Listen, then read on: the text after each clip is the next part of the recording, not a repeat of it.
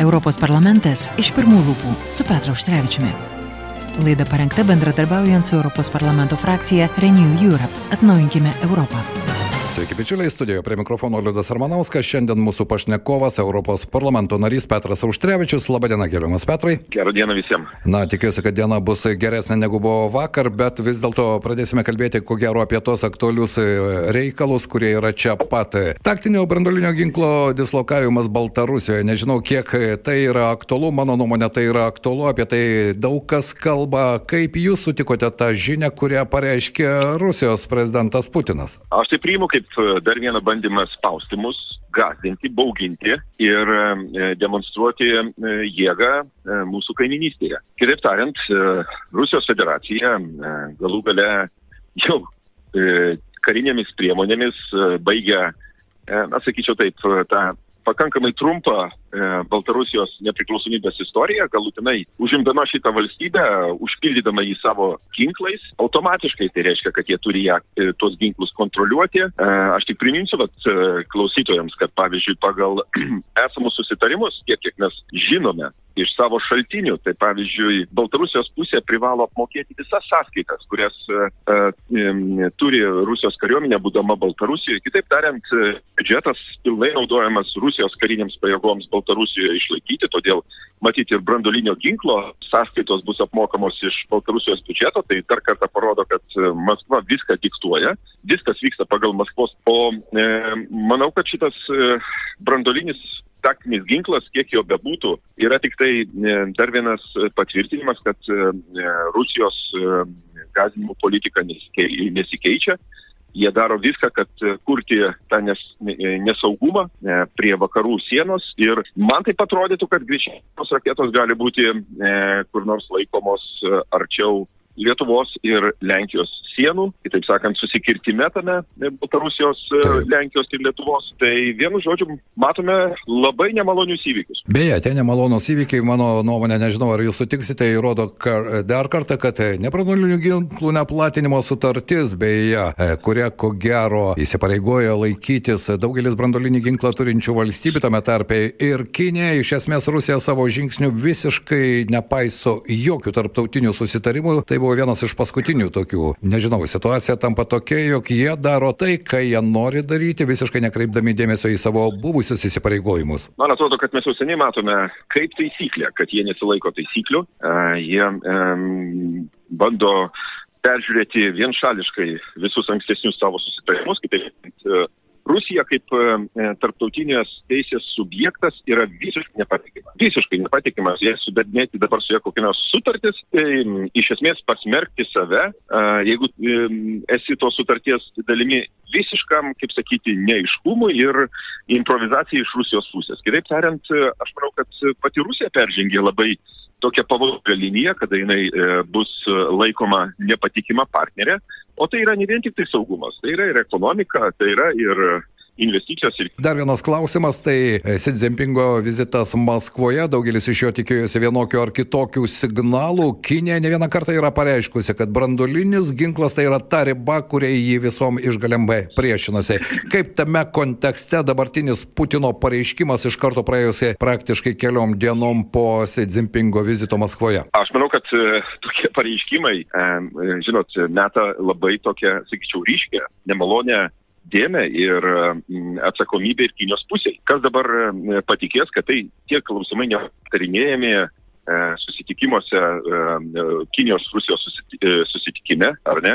Nes kalbasi dvi brandolinės valstybės, jeigu kalbasi dvi brandolinės valstybės, kurios ketina dislokuoti savo brandolinį įmonės, pasisako apie tos dalykus. Tai kitaip tariant, tai yra savotiškas atsakomybės pasidalyti. Na dabar, be jokios abejonės, sugrįžkime į Ukrainą. Jo lab, kad jūsų kvietimu šią savaitę Vilniuje lankysis Geltonasis Kaspinas. Galbūt galite šiek tiek ir mūsų klausytojams papasakoti apie tą iniciatyvą. Tai tūkstančiai tūkstančiai iš tikrųjų rusų agresija besipriešinančių Ukrainos gyventojų. Tas pasipriešinimas iš tikrųjų ir pastarųjų dienų įvykiai rodo, kad įtampos auks ir ko gero balandžio mėnesį mes išgirsime daug dar žinių iš Ukrainos. Kas tas geltonasis Kaspinas, mes apie tai esame kalbėję praėjusiu metu pabaigoje su jų atstovais, bet štai idėja juos pasikviesti į Lietuvą. Tai yra puikus pilietinio pasipriešinimo pavyzdys, kuomet štai organizuoti žmonės pradeda sakykime taip, paaišyti tos geltonus kaspinus į raidę, mažąją į raidę, Rusijos okupuotose regionuose. Ir žinot, kuomet okupantai e, pamato tuos simbolius, geltoną, pavyzdžiui, kaspiną arba į raidę, jie supranta, kad nepaisant visų jų pastangų, vis tiek e, nepriklausoma Ukraina, jos piliečiai neatsisakė savo laisvės, jie kovoja. Ir tai tokia yra desperacija, suprantat, jie kariniam priemonėm bando užgneušti, o piliečiai, e, panaudodami visus turimus resursus, ar iškeldami vėliavas, ar užpašydami e, vieną ar kitą simbolį ant, e, ant sienos, pastatų sienų, jie parodo, kad jie kaunasi ir jie yra e, tebėra tos valstybės piliečiais. Ir manau, kad tai yra labai geras pavyzdys e, apskaitai visoms valstybėms e, atvažiuoja tie iniciatoriai, aktyvistai į Lietuvą, jie papasakos, kaip viskas tas vyko.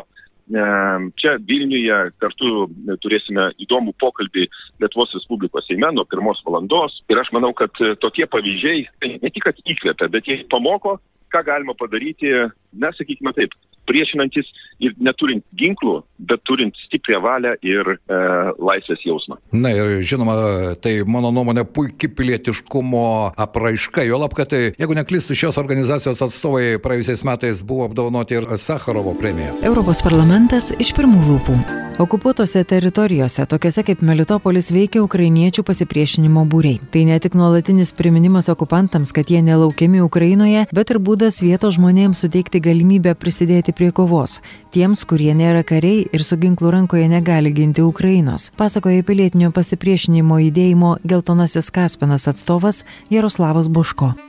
Papasakokit apie savo организацию, ką įveikia. С начала оккупации э, значительной части населенных пунктов на территории Украины. Nuo Ukrainos teritorijos okupacijos pradžios ten pradėjo rasti savanoriškos iniciatyvos, kurios užsėmė tuo, kad bandė išgelbėti savo miestus nuo okupacijos. Įrengė masinės akcijas, renginius ir viso to pasiekmė buvo įkūrimas visuomeninio judėjimo, kurio tikslas pasipriešinimo judėjimas okupuotose teritorijose.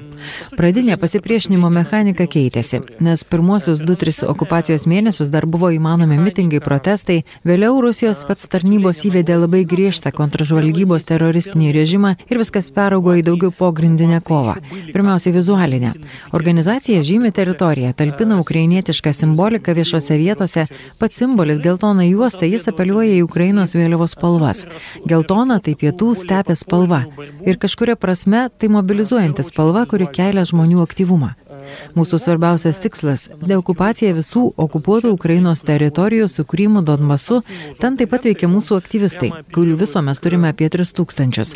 Maždaug tiek žmonių vienai par kitaip dalyvauja mūsų organizacijos veikloje. Taip pat ir atskirose autonominėse grupėse veikiančiose atskirose teritorijose. Žinoma, pagrindinis probleminis klausimas - kiekvieno dalyvio saugumas. Mes tengiamės viską daryti jų saugumui, todėl siūlom naudoti skirtingas darbo taktikas, kad jei rusai areštuos vieną judėjimo grupę, tai niekaip nepaveiktų kitų grupių tame pačiame mieste. Tačiau vis tiek yra labai sudėtingų istorijų. Per 30 žmonių buvo areštuota, iš tų, kurie dirbo su mumis, yra ir žuvusių, bet mes net negalime apie juos tikslios informacijos surinkti, nes visus tuos atvejus rusai kruopščiai slepia. Informacija yra nedokumentuojama arba spets tarnybų sunaikinama. Ir apskritai viskas, kas vyksta karo sąlygomis, dėja dažnai niekaip nefiksuojama.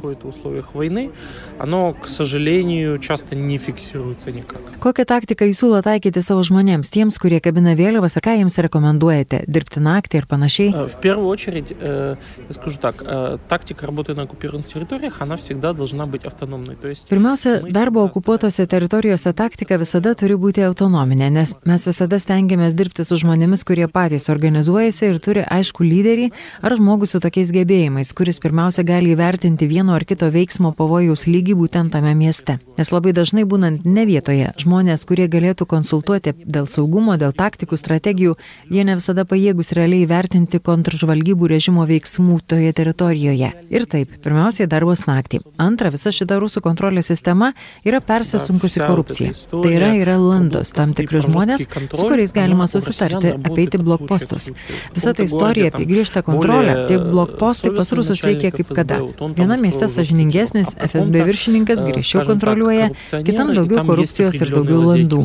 Ypač rusų kareiviai. Jie nenori rimtai kariauti, o dar mažiau jiems patinka, kai juos įtraukia į kažkokią politiką, gatvių apsaugą, tokią kontržvalgybinę veiklą. Todėl kokybiškų pajėgų, kurios dirbtų sąžiningai, ten nėra daug ir jie nėra pajėgus perlaužti kiekį žmonių, kurie yra proukrainietiški okupuotose teritorijose.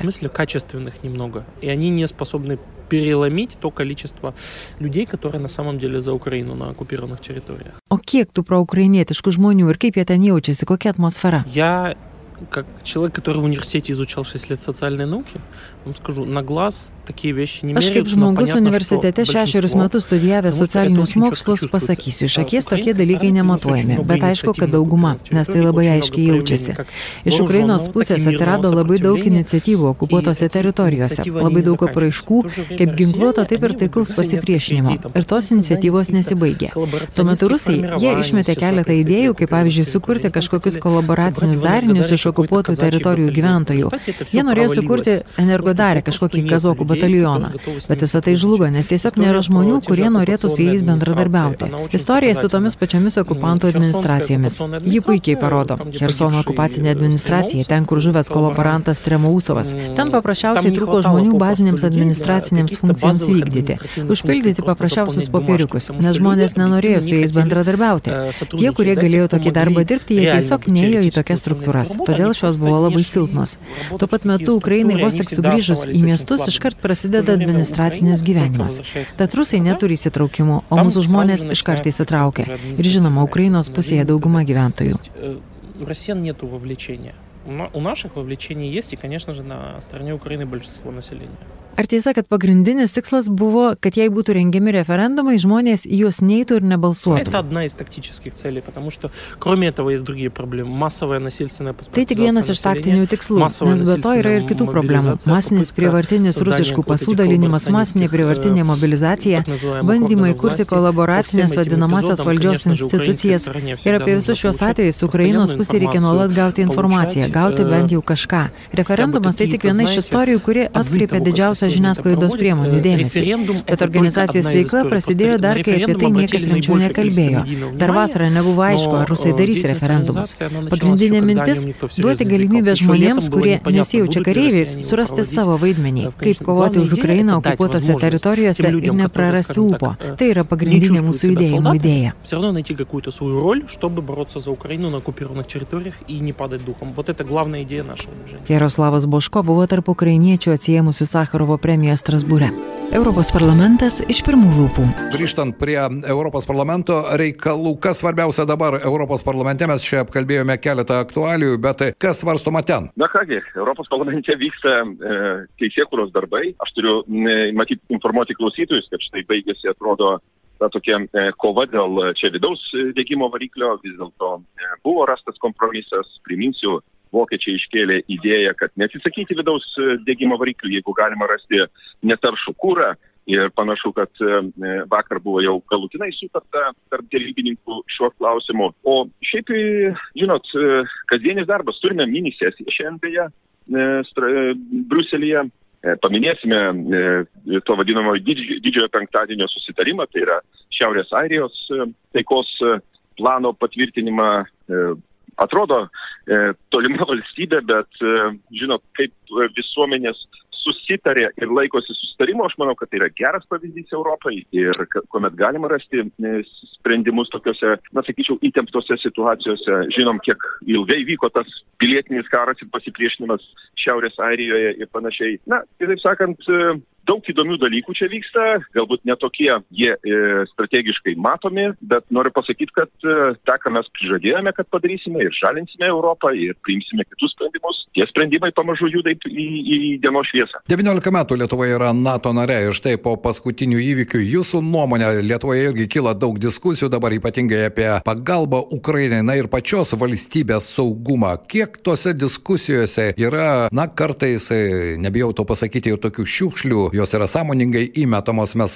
žinome, kokios yra Rusijos įtakos ir kibernetinio e, karo atakos, jos ne tik prieš Ukrainą, bet dabar ir prieš daugelį valstybių, kurias remia Ukrainos kovą. Vis dėlto, kiek va, štai tas jaučiamas ir europinėje erdvėje. Rusiškos propagandos e, bandymai vienaip ar kitaip pakreipti, pradant nuo profsąjungų e, protesto demonstracijų Prancūzijoje iki nepasitenkinimo Vokietijoje. Na, matot, labai yra smagu kalbėti dabar apie mūsų jau 19 metų e, narystę NATO, kada mes esame e, šioje organizacijoje. Ir aš tik priminsiu, kada mums e, dar 90-ųjų pabaigoje vakarų partneriai, kurie, na, buvo mums, kaip sakyti, palankus, jie norėjo mums padėti, bet jie visą laiką mūsų klausdavo, o tai kodėl jūs norite į tą NATO, kada atrodytų čia pasaulis taip pasikeitė, šaltasis karas pasibaigė, nėra e, kažkokios tai, reiškia, įtampos ir panašiai. Mes jiems bandydavom pasakoti ir istorinius naratyvus, ir vis, visą kitą, E, rodydami jau tuo metu atsiradusią naują Rusijos vadovybę ir pirmosius jų pasisakymus. Ir, žinot, vis dėlto mes juos e, nugalėjome, aš turiu pasakyti, tuos visus, e, kurie norėjo tikėti tuo, ko praktiškai nebuvo, bet norėjo mums sukurti to, to, tam, sakyčiau, nupaišytą tikrovę, netikrą tikrovę. Tai mes juos įveikėme, o dabar reikia ne tik mums galutinai įsitvirtinti NATO nare, turint pilną karinį ir nekarinį potencialą, e, įtikinti savo partnerius, kad reikia veikti, o ne vien tik tai skaityti kažkokius tai senus veikalus, bet ir žinoma padėti toms valstybėms, kurioms e, reikia ir kurių beje padėtys veikia NATO saugumą. Ir aš manau, kad e, NATO ir Ukrainos partnerystė turi būti apskritai peržiūrėta. Žinoma, Ukraina yra busimoji NATO narė, aš grinai tuo tikiu, bet e, pradėti partnerystę dabar ir dirbti ir mokytis iš tos pačios Ukrainos, manau, pats geriausias laikas. Na, aš tikiuosi, kad apie tai ne, nemažai bus diskutuojama į Vilniaus samito metu, bet tai jau bus mūsų kito pokalbio tema su mūsų pašnekovu Europos parlamento nariu Petru Auštrevičiumi. Ačiū šiandien, kad suradote laiko ir galimybę pasidalinti ir savo įspūdžiais. Dėkui Jums. Geros dienos visiems. Na, mes tęsime mūsų programą. Europos parlamentas iš pirmų lūpų grįžtant prie Rusijos kibernetinių atakų. Iš ties analitikai teigia, jog štai prancūzų įmonės ataskaitoje teigiama, kad labiausiai nukentėjo Lenkija, Latvija ir Švedija. Microsoft savo vertimę sakė, kad šiais metais Europoje atakos daugiausia buvo nukreiptos į vyriausybinės institucijas šnipinėjimo tikslais. Pabrėždama Rusijos veikimą pasauliniu mastu įmonė teigia, kad nuo karo pradžios 21 procentas atakų įvykdytų už Ukrainos ribų buvo nukreiptos prieš Junktinės valstijas, nors atakos už Ukrainos ribų dažnai buvo žemo lygio išpoliai, bet vis dėlto jie plečiasi. Tai štai toks realus gyvenimas ir nuo jo niekur nepabėgsi. Studijoje prie mikrofono šį laiką su jumis praleido Liudas Ramanauskas. Europos parlamentas iš pirmų lūpų su Petru Užtrevičiumi. Laida parengta bendradarbiaujant su Europos parlamento frakcija Renew Europe. Atnaujinkime Europą.